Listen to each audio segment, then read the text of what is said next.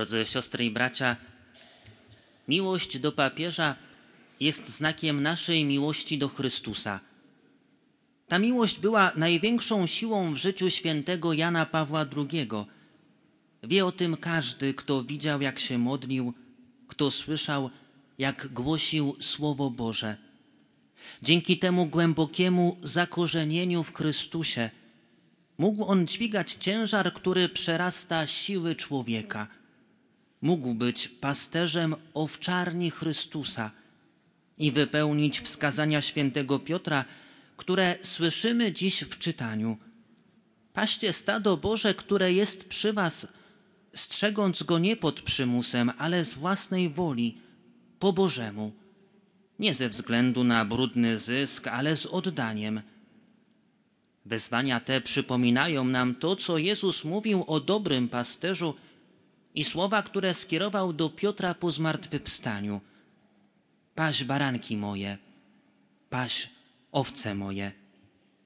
Święty Piotr, którego święto katedry dziś obchodzimy, był tym z grona apostołów, który jako pierwszy zdobył się na odwagę, aby dać świadectwo o Jezusie. Wyznał, Ty jesteś Mesjasz, Syn Boga żywego. Na co usłyszał odpowiedź, Ty jesteś Piotr, czyli skała i na tej skale zbuduję mój Kościół.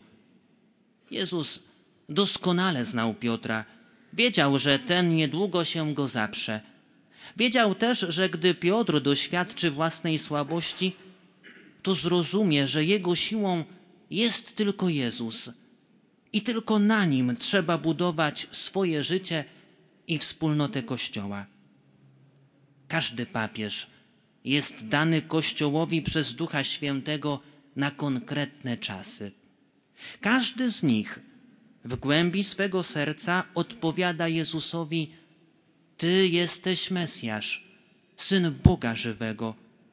I do każdego z nich mistrz z Nazaretu powiedział: Ty jesteś Piotr, opoka. Dziękujmy dziś za Kościół, za biskupa Rzymu. Módlmy się o siły dla papieża Franciszka, o zdrowie, o dary Ducha Świętego.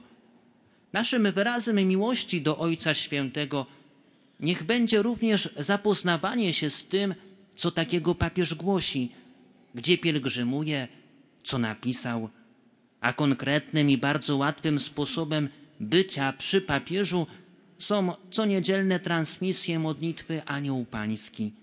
Mamy wtedy możliwość nie tylko wspólnie się modlić, ale również usłyszeć, jakie sprawy my sami możemy uczynić intencją naszych modlitw. Moi drodzy, żyjemy w czasach zamieszania, w czasach podważania autorytetów. Dotyczy to także osoby papieża i jego nauczania. Dlatego bardzo ważne jest, aby bronić Ojca Świętego. Nawet jeśli zadajemy sobie różne pytania, to jako dzieci Kościoła mamy obowiązek miłować papieża i wspierać go codziennie naszymi modlitwami.